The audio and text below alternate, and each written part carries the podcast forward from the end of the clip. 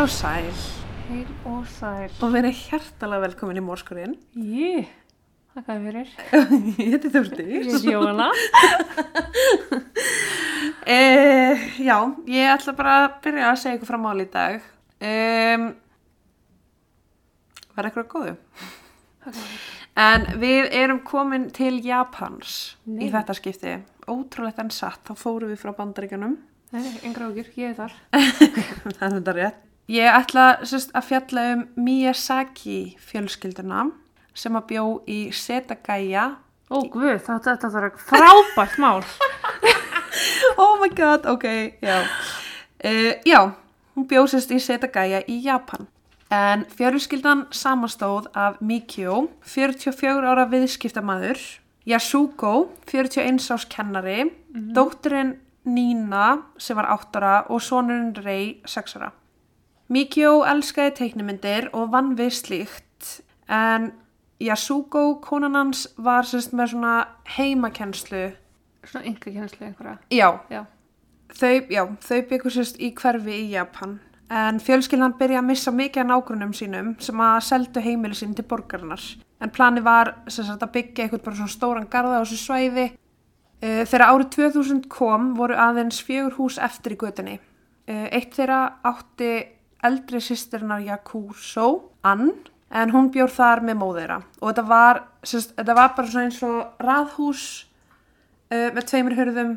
Þú veist, húsið var fast saman Já, og einum helmingnum bjó mamman já, og einn dóttirinn og í hennu helmingnum bjó hinn dóttirinn með fjölskyldinu sinni, Miyazaka fjölskyldinu. ok. En já, uh, Ann, þessi sýstirnar og sonur hennar eittu átta árum í Englandi og komu tilbaka til Setagaya árið 2000. Eiginmaðurinn hennar var verkfræðingur hjá stóru bílafyrirtæki og var mikið að ferðast, þannig að hann var aldrei heima. Mm. þar með notaði Yasuko heimili þeirra til þess að kenna börnunum sínum í heimakennslunni. Ok, Byggingarnar voru allar mjög nálaðar og Mikjó fann fyrir óruleika vegna þessa en hann hafði áhyggjur af því að þetta geti leitt til vandraða í fjölskyldan í framtíðinni þar sem að verið væri að rífa niður hús og byggja garð í götunni. Hann setti því hljóð einangrun í húsi sitt til þess að þau geti fengið smá frið. Sest, hljóð einangrun er bara veggir á milli þannig að það heyrist ekkert bara þannig að fjölskyldan getur lifað sér ykkur í lífinu. En sérst, báðar fjölskyldanar höfðu ætlað sér rétt eins og nágrunna þeirra að flytja lokum í burtu og höfðu þegar selt húsi sitt til borgarinnar. nú, ok. Já, Yasuko var þó efins með þetta allt saman en hún hafði því að börnin myndi ekki ná að aðlagast vel á nýjum stað. Sérstaklega það sem að reyfa með ykkur svona ákveðna þroska hölmlun. Ok, Þannig að hún vildi ekki flytja bara hvert sem er og var bara svolítið svona að taka sinn tíma í að finna stað sem að að geti fengið aðstóð já, með bara allt. já, einhver sem mætti hans þörfum. Já. Á sunnudagsmorgni þann 31. desember árið 2000 reyndi Haruko, móðurinnar Yasuko, sem að bjóða hliðin á, að ringja í dóttur sinna eins og hún var vön að gera alla mótna en símtali fór ekki gegn. Um tíu morgunin hafði hún hvorki heilt í dóttur sinni niður séðana og var því mjög áhyggjufull.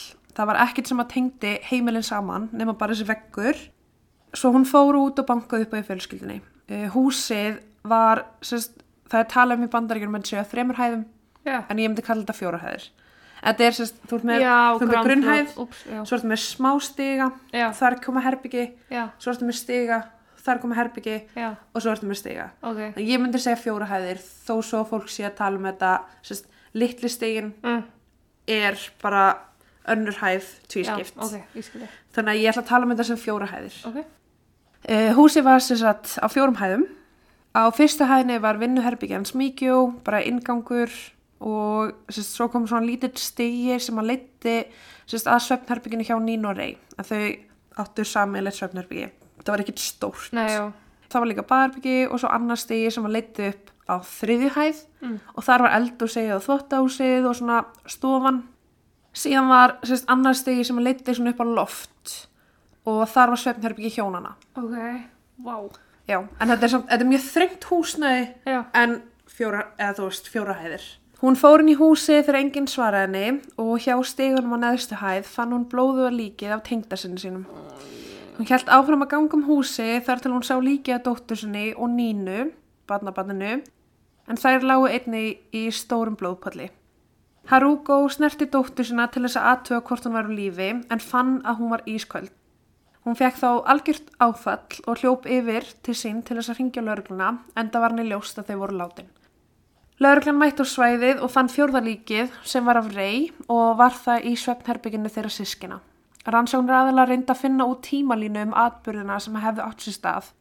Þeir töldu að morðingin hafi farið inn um baðherbyggisgluggan á annari hæð en búið var að taka plötu sem var svona fyrir baðherbyggisglugganum líklegast eitthvað svona öryggis Já, eða já. flugnanett uh, en það var búið að taka það af sem að bendi til þess að hann hafi tekið hann niður til að komast inn í húsið.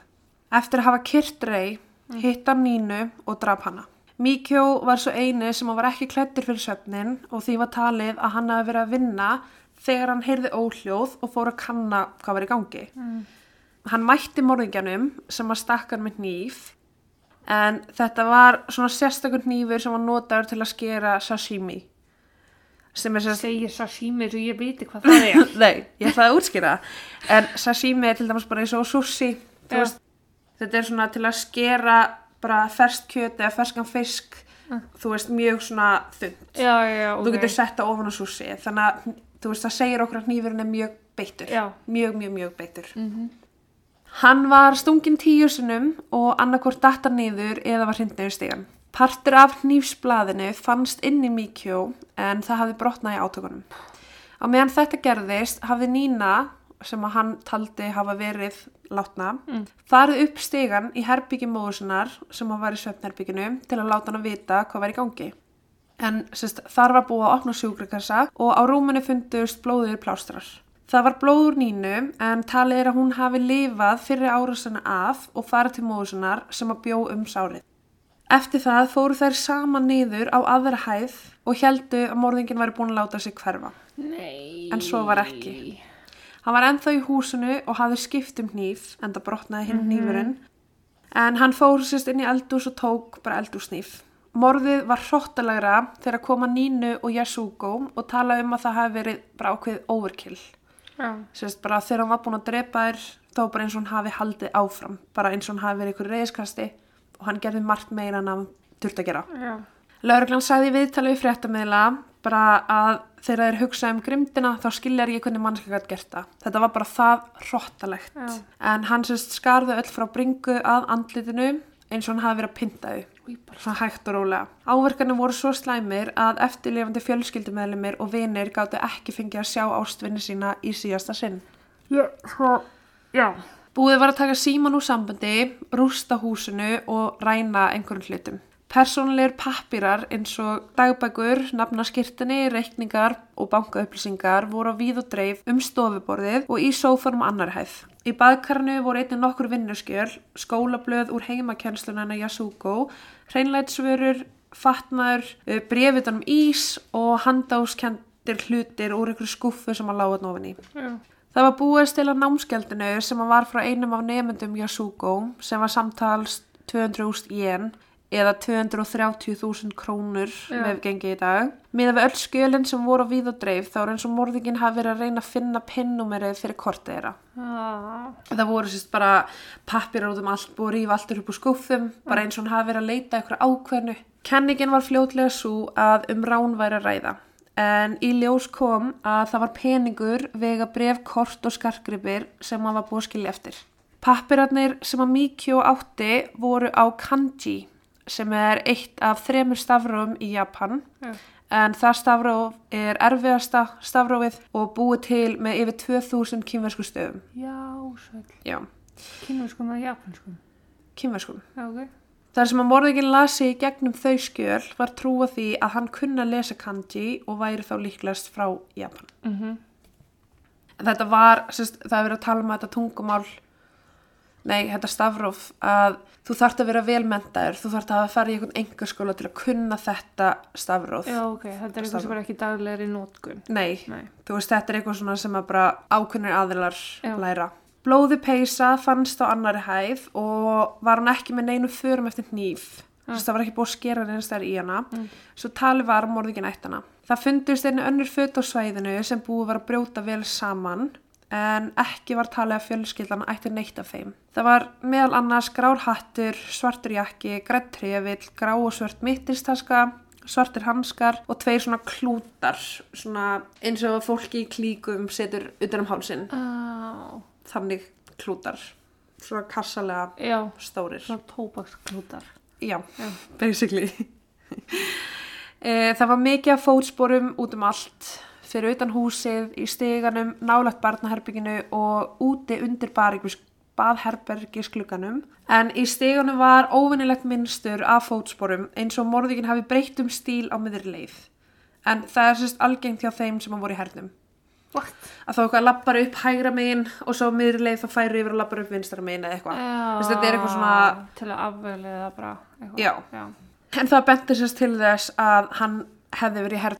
Fótsporin sem fundust hjá baðarbyggisglugganum benti til þess að morðingin hafi notað þann glugga til að fara frekar hann að koma inn eins og haldið var í fyrstu. Það fannst mikið af blóð á staðnum sem var ekki úr fjölskyldinni en það voru einnig plástrar og tissjú sem var mikið blóði sem voru úr morðingjanum. Hann var Karlkins í blóðflokki A sem að segja okkur ekki neitt að því Nei. í Japan búa sko 126 miljónir eða eitthvað, ekki nema. En það fannst ekkert í blóðinu sem að benti til þess að hann hafi verið á einhverjum efnum undir áhrifum áfengis eða að hann hafi reykt. Ég veit ekki hvernig þeir eiga bara að vita það en þeir vissu það. Það fannst einnig plástur með blóðun hans fastur á einn af dagbúkin hans Mikjó sem sagði lauruglunni það að hann hafi meitt sig átökunum og tekið sér tíma til að setja á sig plástur og hlúa sáru sinum eftir morðin Bara tekið sér tíma og græja sig og... Já, út af því hversu hrottaleg morðin voru og hversu mikið var búið að rústa húsinu töldur rannsakandur að um fleirin einn aðala var að ræða. En bæði fótsporin og blóðið var sérst bara úr einni mannesku svo að þeir voru ekki alveg vissir hvað er, hvað er þetta að halda. Já. En miða við bara átökin sem að gengu á miður hvað húsið var mikið í rúst, miða við hversu illa líkin voru farin, Já. að þá voru þeir bara ok, það getur ekki verið ein manneski að hafa gert það. Nei. En það leit samt allt út fyrir það, ekki? Jú, af því það var náttúrulega bara einn tegund blóði, eða þú veist, og fótsporin. Mhm. Það voru einni vísbendingar um að hann hafi verið í eitthvað tíma í húsinu eftir að hann drepa alla fjölskylduna, en hann svaf eða kvildi sig í sófanum, borðaði matið þeirra, sem var meðal annars meluna, hann drakk fjóra flöskur af te og átt fjóra ísa. Úi, Já, þú erum að drepa fjóra og ah, hann var, hann var bara að chilla, hann var bara að chilla í húsinu. Bjóður að taka sturtu og klippa hann tánalunar í leginni. Ég- Einmitt, en þú veist, þá líka spyr maður sig bara, ok, ok, þú veist, ef þú ert svona rosalega örugur með þig inn í húsinu og veist að það er enginn að fara að koma Hvernig áttu hann að vita að það var ekki fleiri meðlumir í þessu fjölskyldu? uh og hvernig átt hann að vita, þú veist, hvort að það væri enginn, á- eða þú veist, hvort einhver myndi koma Já. eða verið í næsta hús, maður spyr sig. Hvað er þetta að hinta núna? Nei, nei, nei, nei, ég er ekki ok. okay. hinta neitt, en kannski. Já. Eitt bref að ísnum fannst meðal annars í baðkarnu, uh, annað var í stofinni og tvö önnur fundust hjá tölfunni á annar hæð. Það var einnig...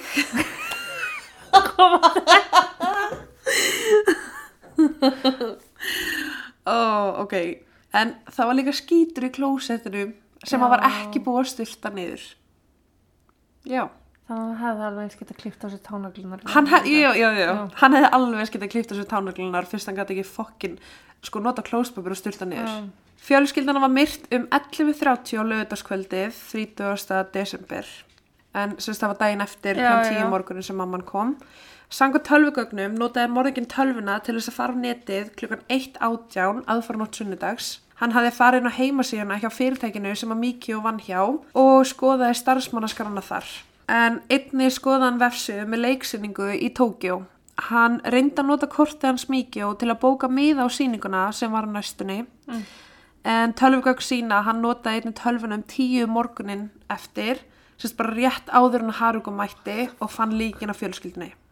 Það leiti allt út fyrir að morðingin hafi verið í húsinu alla nóttina eftir að myrti fjölskyldina eða næstum tíu tíma. Mhm. Hann ætlaði bara að bóka sér miða okkur sýningu með kortinu þeirra Já. og hvað bjóst hann ekki við því að laurugla myndi kannski fara á sýninguna og ná honum. Um. Þú veist, ok, það, það er svo mikið svona eitthvað, ok, það, það segir mér að þessi gæi er nöyt heimskur. Hann er nöyt heimskur. Um, og svo einmitt er talað um að því að hann var að nota töluna hann hann hafi mögulega heyrt Haruko banka og láta sig hverfa þá. Já, ég var að hugsa það sko. Þannig að hann hefði mögulega verið lengur inn í húsinu Hefði ef að hún hefði ekki, Já. Fyrsta sem mitt átti í huga hann hefði ennþá verið þarna bara þegar hún kom inn sko og hefði farið já, strax eftir geti vel verið. Já, Haruko, dóttir hennar Ann, sögðu búið var hljóð einangra á milli svo fjölskyldan geti lífa sjálfstöðu lífi. En þær muna eftir að hafa heyrt hávaran kveld um 11.30 um kvöldi. Til þess að finna út hvaðan það hljóð kom var prófað að fara inn í húsið og gera alls konar hljóð til þess að aðtuga hvert þeirra verið sambarlegt. Í ljós kom að þegar dreigið var stigan niður úr svefnherbyggi hjónana var um samskonar hljóð að ræða. En sest, þær heyrðu þetta 11.30 já, sem að segja okkur það að það er tímabili sem að Nína fór upp já, já til já, mömmu sinnar Já, að ná í mömmu sinna en bara Haruko og hann heyrðu ekkert meira og þær fóru að sofa um eitt litið og það er bara, líka manni dettur ekki til huga að sé bara að drepa ná fjölskyldur mann sér næsta húsið og maður heyri eitthvað þrösk sko, nei. Veist. Veist, meina, er hún ekki vön að heyra þetta hljóð? Já, um eitt. Reynd var að finna út hvað fjölskyldan var að gera þennan dag en þau höfðu þann 30. desember fara að versla í um 1,6 km norður að heimilinu þeirra og um sexleitið voru þau komin í aðra verslunarmiðstöð sem var um 1,8 km söður af heimilinu þeirra. Þau komu svo heim rétt fyrir sjö og byrja að undirbúa mat. Yasuko notaði heimasíman til að ringja í móður sinna áður en að fjölskyldan borðaði saman og um 9.38 var tölvan hennar Nínu notu til þess að horfa teiknmynd sem að segja ykkur það að hún var örgulega að fara að sofa á þeim já, tíma. Já, já, Uh, Um 10.45 fór Mikio í tölvuna sinna að lesa tölvupústa frá vinnunni og er þetta síðasta sem að vita er að fjölskyldan á lífi því um 11.30 voru þau öll látin. af því þá var hann farin í tölvuna þarna eitthvað Já. Já, Yfirheyrt var alla vini og aðra fjölskyldumeðlumi til þess að fá það á hreint hvort fjölskyldan hafði átt einhverja óvinni eða til að skýra hvað mögulega gæti hafi gerst þessa örlega ríku nótt. Vinnufélagar Mikjó sögðu að hann hafi ekki verið að vinna neinu stórfenglegu eða einhverju leynilegu í vinnunni sinni og því var það eiginlega útilokað að þetta gæti á tengstu vinnun hans. Já. Hann var ekki að gera neitt sem að ætti að láta hann fá eitthvað target á sig. hættu, Það var ekkert sem að bendi til þess að fjölskyldan ætti einhverju óvinni en þetta var bara þessi típiska japanska hamingisama fjölskylda. af því þú þekkir svo margar Nei, Google sagði mér það. Ég treysti Google. Ég líka, skilja bara mjög vel Já, Uh, en það voru þó tvö atvik sem átt sér stað einhverju fyrir morðið en viku fyrir hafði Mikjó öskrað á nokkra táninga sem að voru með háfaða í hjólabrettagarðinum hjá húsinu þeirra. Mm. Einni hafði hann öskrað á móturhjólaklíku sem var þarna á sama svæði með einhvern háfaða en sérst, móturhjólaklíkan hétt Boso Soku og voru þeir þekktir fyrir að bera vopn og vera bara mjög ofbelsfullir. já, ok En það er, sérst, að þetta var náttúrulega bara nágrana svæði. Mhm. Það er búið að, sérst, það voru fjögur hús eftir á götunni, Já, meðal annars þeirra hús. já, Öll hinn þá búið að rífa þau niður af því það var verið að byggja einhvern almenningskarð. já, ok, ég skilja Þannig að, þú veist, með almenningskarði fylgir fólk Já, og hjólubrættagarður og mótuhjól og mikið og var bara eitthvað svona endalust læti, Mhm. endalust áriti. já, Fimm dögum fyrir morðið hafði Yasuko kvarta í pappa sinum um að einhver væri að leggja fyrir utan húsið heima hjá henni, jafnvel þó það væri fullt af öðrum lausum bílastæðum. Tveimur dögum síðar, þann 27. desember, voru vittni sem að sáu Karlmann á færtugsaldri að labba um svæðið hjá húsinu þeirra, svona eins og hann væri að kynna sér. Húsið. Hann var, hann var að skoða, þú veist, hvað, er gluggarnir, hvað er hurðin, þú veist, hann var alveg að labba í kringum húsið. Þann 29. desember var ungu maður í svipum fötum og voru skilin eftir heima hjá þeim sem að sást hjá lestarstöð sem að var sérst við verslunarmiðstöðuna sem þau heimsóttu á löðinum. já, ok Þann sama dag var uh, einni keiftur sashimi hnífur Hmm. í þeirri verslunarmiðstöð. Dagurinn sem morði átt sér stað sást þessi sami ungi maður hjá annar lestastöð um 1,5 km frá húsinu þeirra. Þannig að hann sérst, var hann á svæðinu einhverju dag í kring, uh, var á sama stað þau í verslunarmiðstöðinni og eftir að morði átt sér stað þá var hann sérst, 1,5 km frá húsinu þeirra. Já, Nágrannar þeirra sögðu einni frá því að frá júni til desember höfðu kattarhæ fundist út um allt hverfið reglulega en þá var búið að skera skotti af þeim og húðfletta saumaðira. En svo manneskja var síðan meir handtekinn og ljóst var að ekki var að tengja hann við morðið á fjölskyldinni. Þannig að vera okkur góð að vita þetta. Já, það er fyrir. Það er alltaf að tala um að þrjú skrítin atvik hafa átt sér stað snemma morgun svo sunnudeginum 31. des. Ok. Ok, ég ætla að segja ykkur frá þessum þremur skrítnu atvikum en fyrir mér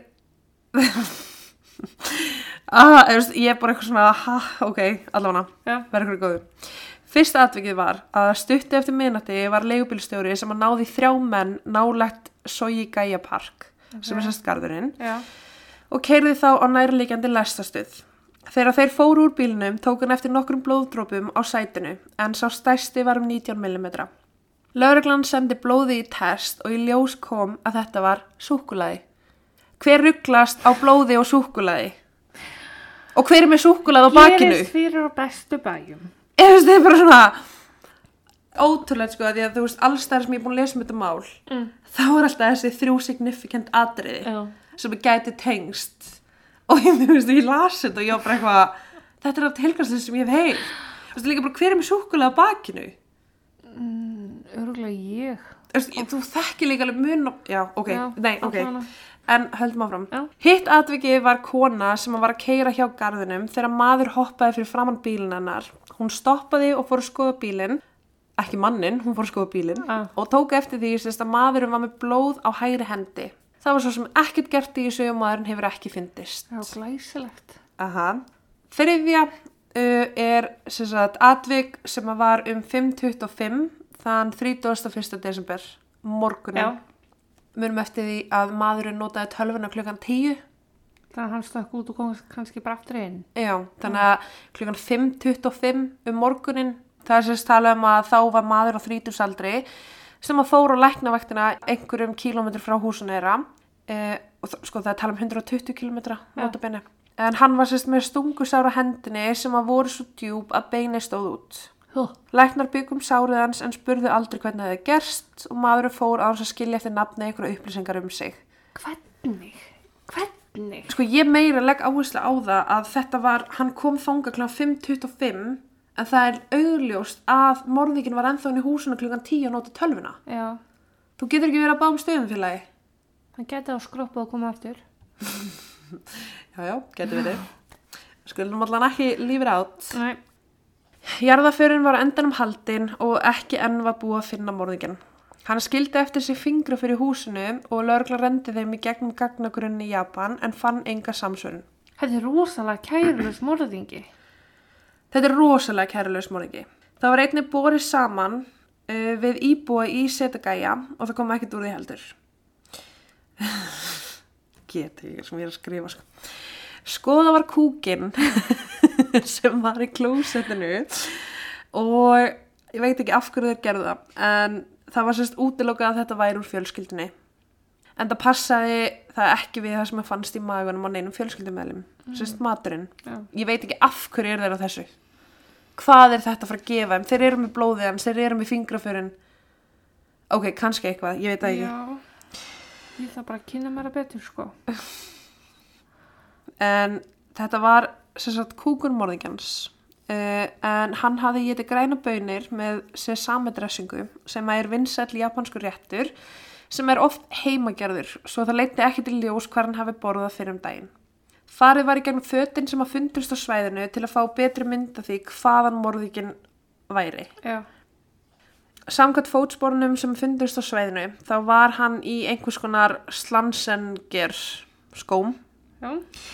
í stærð uh, nýju í bandarísku stærðum en sest, þessa skó var einungis hægt að kaupa í kóru. Já. Jakkin sem að fannst var í stærð large og var fáanlegur í Japan. Ok. Í vasunum á jakkanum var sandur uh, sem að kom frá okkur um stað sem var söður á Tókjó. Það voru líka frjókort sem að komi frá japansku granadeplatré eða selkóvatré. Uh, laufblöð frá þessum trjám fundust einnig og á þeim var fuglaskýtur. Og það var sérst talað um að fuglinn væri sparrow. Það var einnig mold sem að fannst sem að reikin var til kóruðu. Nú, ok. Já, sérst á skonum hans. Já. En þessi sami sandur átti sérst að hafa upprunn sinn annarkvort í Kaliforníu Já. Las Vegas eða okkur því svæði Ah. eða þá hann að söður af Tókjó. Ok. Þannig að þá var opna möguleikan á því að nú ertu mögulega komið tengingu við Kaliforníu, þú ertu mögulega komið tengingu eitthvað litla við Las Vegas Mm. og Kóru. Peysan hans var einni í stærðinni large og var seld í Japan en lauruglan ávarpaði til allra sem ættu slíka peysu um að koma fram og láta vita af sér svo hægt væri að útiloka þá. Þetta voru sérst af þessari peysu, það voru ekkert eitthvað, það voru ekki miljón eintök send, það voru færri. Já, já. Þannig að þeir vildu, sérst, þeir vildu fara aðferðina það var mjög snett. sem hann alltaf bara gekk ekki þeir vildi enginn koma fram og segja eitthvað, herru ég á eins svona eða ég á eins svona uh, en eins og ég segi það hafði lítið upp á sig einnig voru hanskar úr svæðinu en þar sem að mörg fingraför fundust var ljóst að hann var ekki reyna að fela hver hann var Nei. heldur var hann einungis að nota hanskana út af kuldanum annar klútana var brotin saman en hinn var krumpaður og var sérst með hnífsfar skorið í hann Já. En svona klútur var sérst notar á sjómönnum sem að voru að skera fisk og það var gert til þess að þeir myndi ekki skera sig. Þannig að nú erum við komið tengingu við Hermann, Já. við erum komið tengingu við Sjómann. sjómann. Kóriðu, Tókjó, Bandaríkin. já, veist, við erum út um allt. Já. Síðast en ekki síst var það taskan sem var skilin eftir, svona mittist taska. Mm. Þetta er raun bara svona fanny bag. Já, svona bamba, já. Já, uh, en hún var skilin eftir og var sérst, svona eins og A5 blástærð, Ok. basically. Í henni fundu svört hár sem talið eru hafa verið að morðingjanum en þau hefði verið viljandi klift og sett í töskuna frekar hann að hafa dottið af. Rótin var ekki Nei, já, já, já. og það var eitthvað þar sérkennilegt að þetta var ekki óvart að hárum væri hana. Það er bara eins og þau hefði verið klift og sett í. Einni voru blettir að rauðum lit sem að lýstist upp þegar nota var svona UV-ljós Mm. í töskuna. Já. Lauruglan fann svipaðan lit inn í bílskúrnum en bílskúrnum var læstur þetta kvöldið sem að morðin átt sér stað og því var ekkit sem benti til þess að hann hafi farið þangað um kvöldið Nei. eða komist þar inn yfir höfuð. Já, ok. Það var ekki útilokað að hann hafi verið þarna áður en því meira sem leiður rannsóknina komist þér að því að þetta gæti bara hafa komið frá yfirstyrkunarpenna og því ekkert óalgengt að finna þetta finnist í töskunans. Nei, ok. Sakot fötunum og því sem að fannst á svæðinu var talið að gerandi væri frá 15 til 35 ára. 15? Já. Um 1,70 cm hæð, grannur með svart eða svartbrúnt hár og réttendur. Lörglan held í fram að hann myndi búa einn eða með fjölskyldu sem þætti það ekki óvinnilegt að hann myndi koma seint heim á kvöldin, sem alltaf bara staðrind. Já. Hann átti fjárhúslegum vandræðum og vantaði peninga. Lörgland taldi það þó ákveðna kenningu að þessi strákur hafi mögulega verið einn af þessu sem var á hjólubrettunum Já. uh, af því að fötin sem að fundust voru mjög vinsæl meðal hjólubrettakappa Ah. og einni fannst svona púður, svona grip eitthvað sem að er notað, sem þau notað á brett sinn. Já. Það fannst í töskunni, það púður. Þannig að nú erum við komið með hjólubrettakappa, sjómann, hermann. Uh, já, en það segir okkur bara hversu illa undirbúin lögreglan var við þetta morð. Það fannst meðal annars fingraför, uh, kúkurinn góði, Mhm. blóð uh, eða DNA, hár, skóf, för og hvað eina. En þeim tók samt ekki að þrengja leitin á neitt hátt uh, og það var mikið gaggrind hvað þeir voru út um allt. Já. Með rannsóknina. Búist var við að rannsóknin myndi taka enga stund, náttúrulega bara út af öllu sem þeir höfðu Já. og við sjáum það bara í til dæmis Delphi Mhm. málinu. En vikur, mánuði liðu og ekkert gerðist. Nágrannar voru yfirherðir hvort þeir höfðu ferðast til Evrópu eða Kaliforníu Já.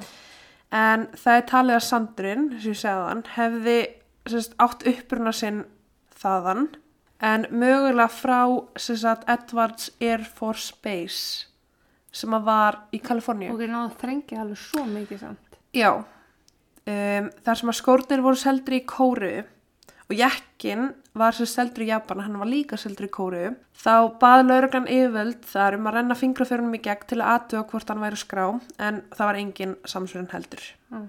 Og veist, ég get bara sagt það líka núna, það er líka búið að prófa að renna fingraförunum í í bandaríkjunum Ná, ég var að spyrja Já. og það er ekkert. Nei, ok. En þú veist, við höfum líka séð það í málum að svona fingraför er ekki 100% Nei. Þannig að sérst, árið 2006, sex árum eftir þetta, þá var gerð DNA eða greining á blóðinu, sérst útbúið bara DNA. Já. Og það var sérst gert rannsók til aðtöfa með kynstofnin en DNA-ið passa ekki við neittni gagnagrunni löglunar. Sérst, þanga til 2006 hefðu bara nota fingrafurinn. Já, Til að finna. já, já, já. 2006 eru þau að byrja að greina DNA-ið. Já, já, ok. Þannig að þeir ákveður sérst að greina DNA-ið hans með uppruna, hvað mm. kynstofnin, hvaðan hann væri talin vera. Og það var sérst talið að hann væri einn, einn á móti 13 japanskur, einn á móti 10 kynverskur Mm. Og einn á móti 3 kóruskur. En móðurgerinn komið frá Suður Evrópu sem segir okkur það að fadir hans er mjög líklega kóruskur já, og móður hans mjög líklega frá Suður Evrópu. ok.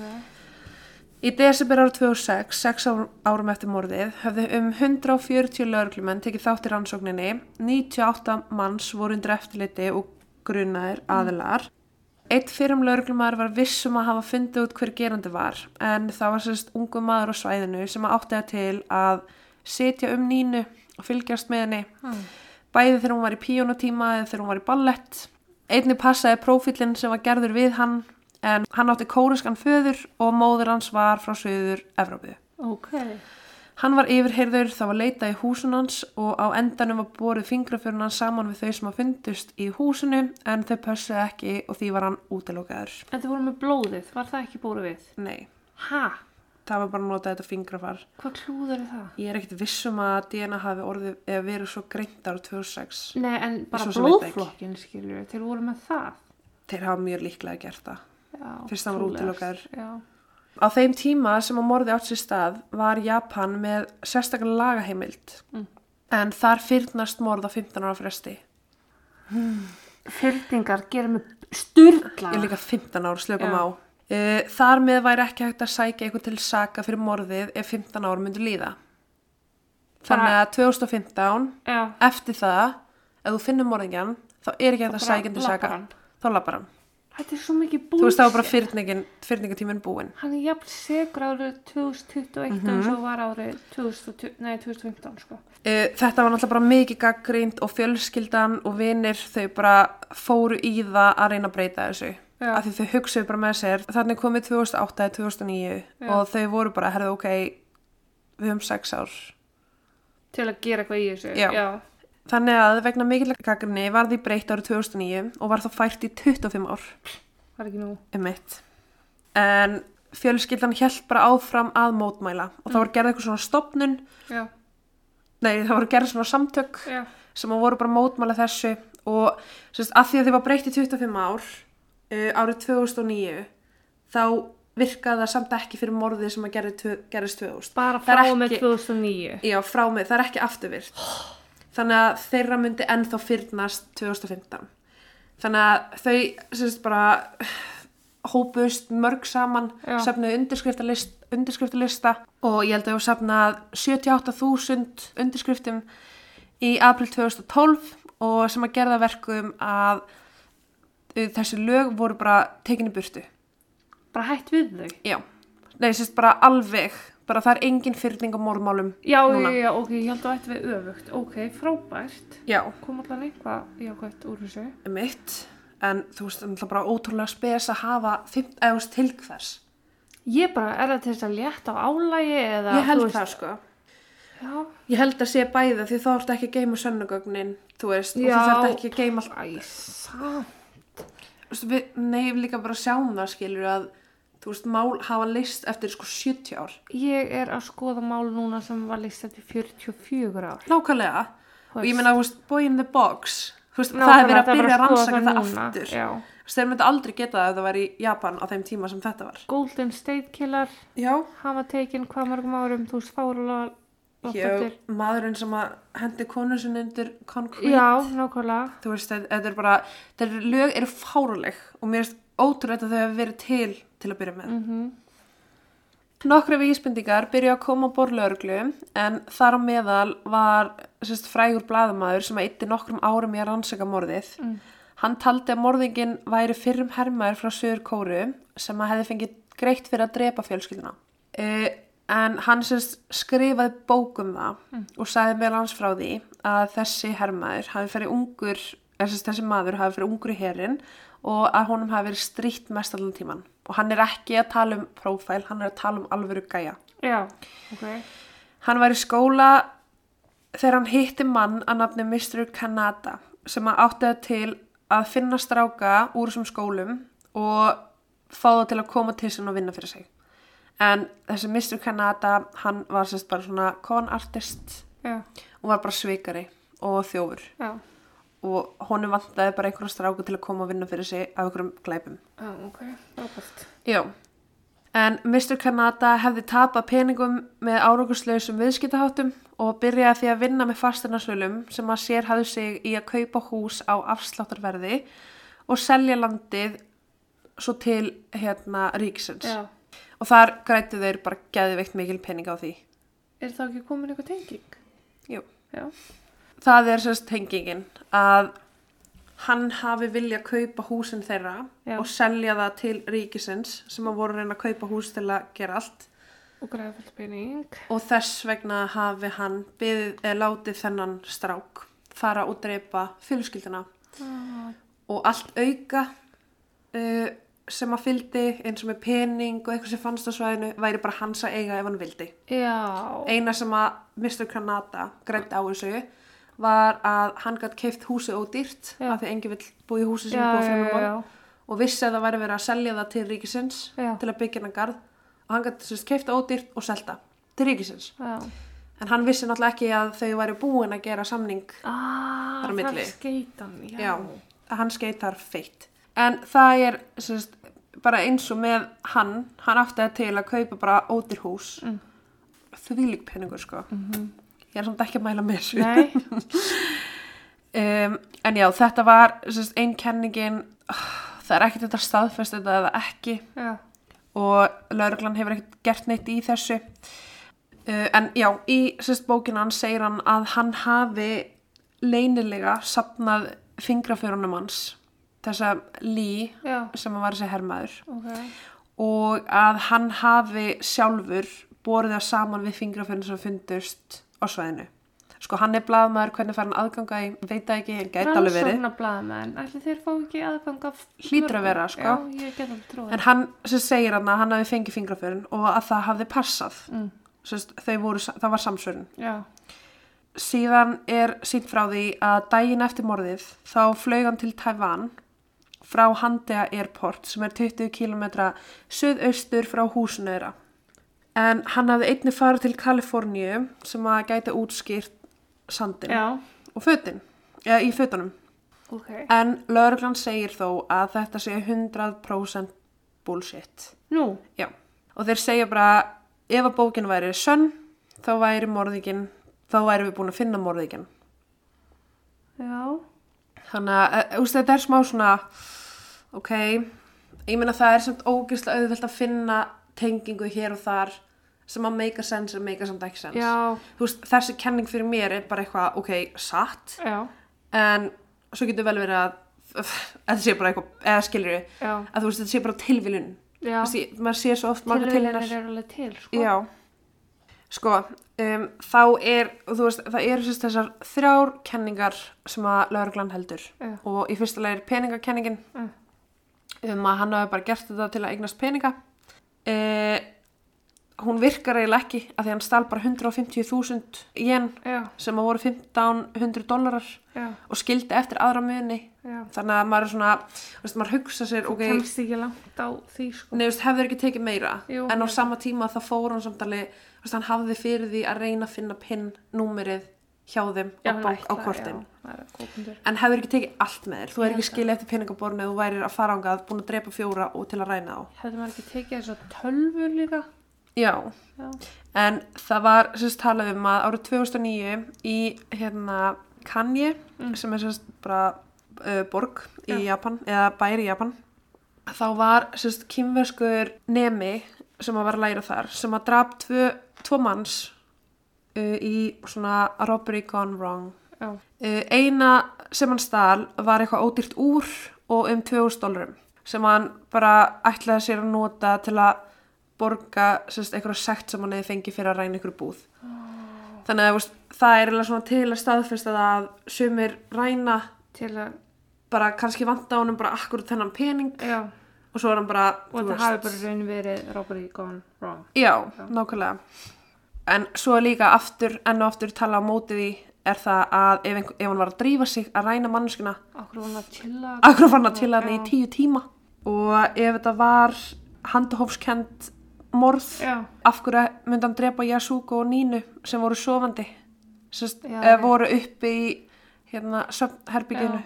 Æ, maður er svona, já, vespið sig einhvern veginn. Mhm. Uh, næsta sem að lauruglan telur er að þetta hafi bara verið reyði að annarkvort að hafi einhver bara ráði einhver til að drepa hann eins og blaðmarinn sagði. Já, eða þá að þetta hafi verið út af sem sagt, þessum tveim atvikum sem að gerist með Mikjó já, með að hann var að öskra á okkur fólk. Uh, geti líka verið bærin eða einhver ofarlega í hérna keðjunni, skilur, já, hafi losað sig við þau til að geta selt þetta til að byrja með garðin.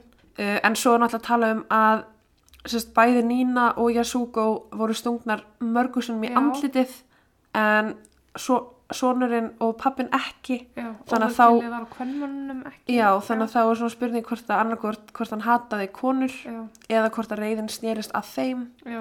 Ó, það er svo mikið hægt að fara um þetta, sko. Ólist málmaður, þetta er bara grifja. Já, þetta er það sko.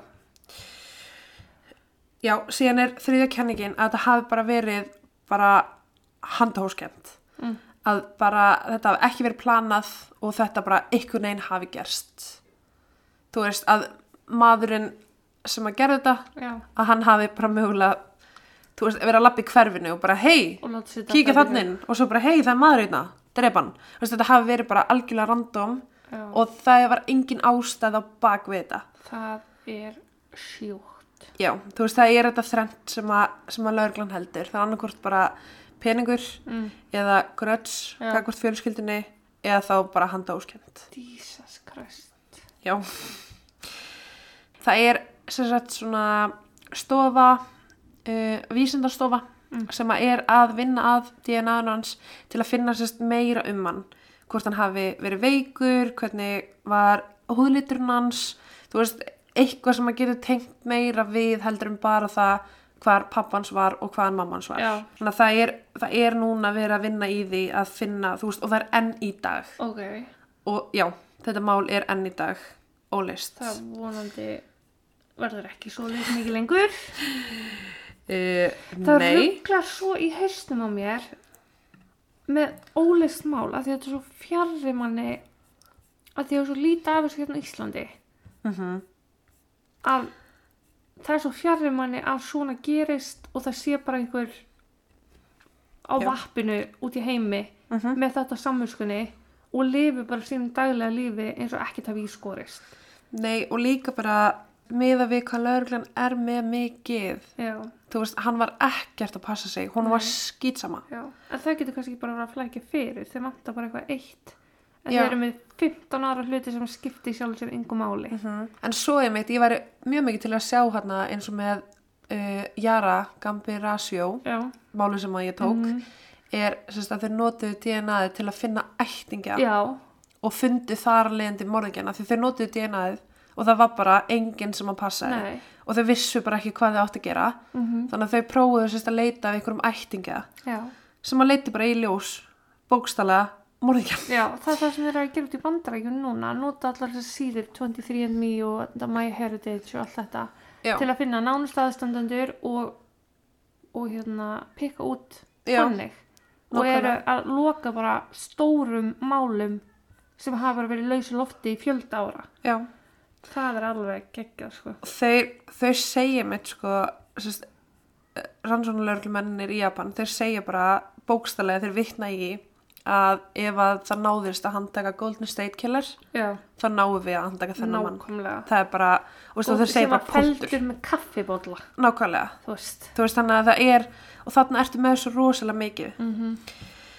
uh, en sem sagt, til dagsins í dag að eins og ég sagði þá átti náttúrulega að selja húsið. Uh, en Ann og hérna móðir hennar þær náttúrulega vildu ekki búa hana lengur. Nei, skiljulega en á sama tíma vildu þær ekki eigðalikja húsið Nú, af því að þær sérst segja að sama þótt að lauruglan sé búin að taka öll sönnagögn og öll síni og allt sem þau þurfa, Mm. þá er alltaf eitthvað í húsinu Já, sem að þeir lauruglan er ekki með já. og þau eru bara handviss og segja bara við viljum ekki eða líka neitt sem tengist húsinu eða breyta því að gera neitt að það skildi vera það skildi vera, falli, já. Og þau eru sérst búin að gera þannig núna að þau pökku öllu dótinu niður í kassa Mm. inn í húsinu. Já, þannig að þau eru ekki búin að taka neitt úr húsinu bara Oh ef my til þess kemi já. og þau eru með það opið fyrir almenning. What? þannig að hver sem er getur farið og skoðað húsið. Panta ekki. Nei. En það er ennþá bara eins og ég segi það er allir kassarnir er ennþá það er ennþá vegnum þau voru sérst búið að merkja hæðin á börnunum eftir hversu eldri voru. Það er allt enn til staðar. Það er eitthvað sem ég gerir með börni mín. Já. Þannig að já uh, en ástæðan eiginlega ástæðan fyrir því að hún vill, er líka búin að opna húsi fyrir almenning Já, er að hún vill að fólk muni hvernig fjölskyldan lifði lífinu sinu og þetta er um alveg fólk að ræða. Mm og hún vill mann gera svolítið málið. Já, þú veist, hún vill ekki að þau séu bara myndir á einhverjum pappirum hjá lörglunni þau vilja að fólk komi og sjáu Hver þau fyr, voru, hver þau voru já. þannig að húsið er eins og segi opið. Hverju sem er sem vill fara að koma og skoða en já, þetta er allan eitt af þessum málum sem að maður hefði haldið. En það er Auðleyst. alltaf sagt að þú skilur það er erfitt að gera hann fullkomnan glæp af því að þú skilur alltaf eftir því eitthvað Það er bara ekki til hinn fullkomna glæpur Ég er að segja það og það er alltaf, þú veist, þú skilur eftir þig eitthvað og sem að gera, þú veist, rannsóknarinn kleift að finna þig. Já, sem, Sem bara verður þér að falli Já, nema nú þarna erum við með svo ógæðslega mikið til að vinna með mm og það er bara einhvern veginn eins og þetta sé ómikið. Já, þetta var bara oflóki frá byrjun. Já, og það var líka svo mikið gaggrind var að, sérst, í fyrstu lauruglan svona fann út til dæmis eins og um, þessi Sandur, Kalifornía Já.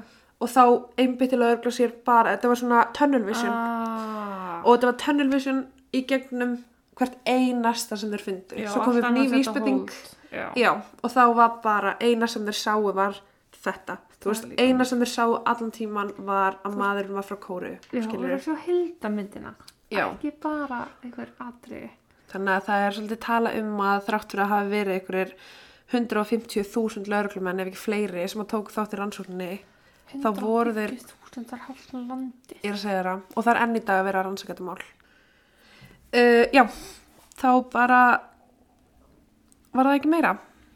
Nei, En ég mun setja alla myndir á Instagram og Facebook. Og þá segir ég bara bless.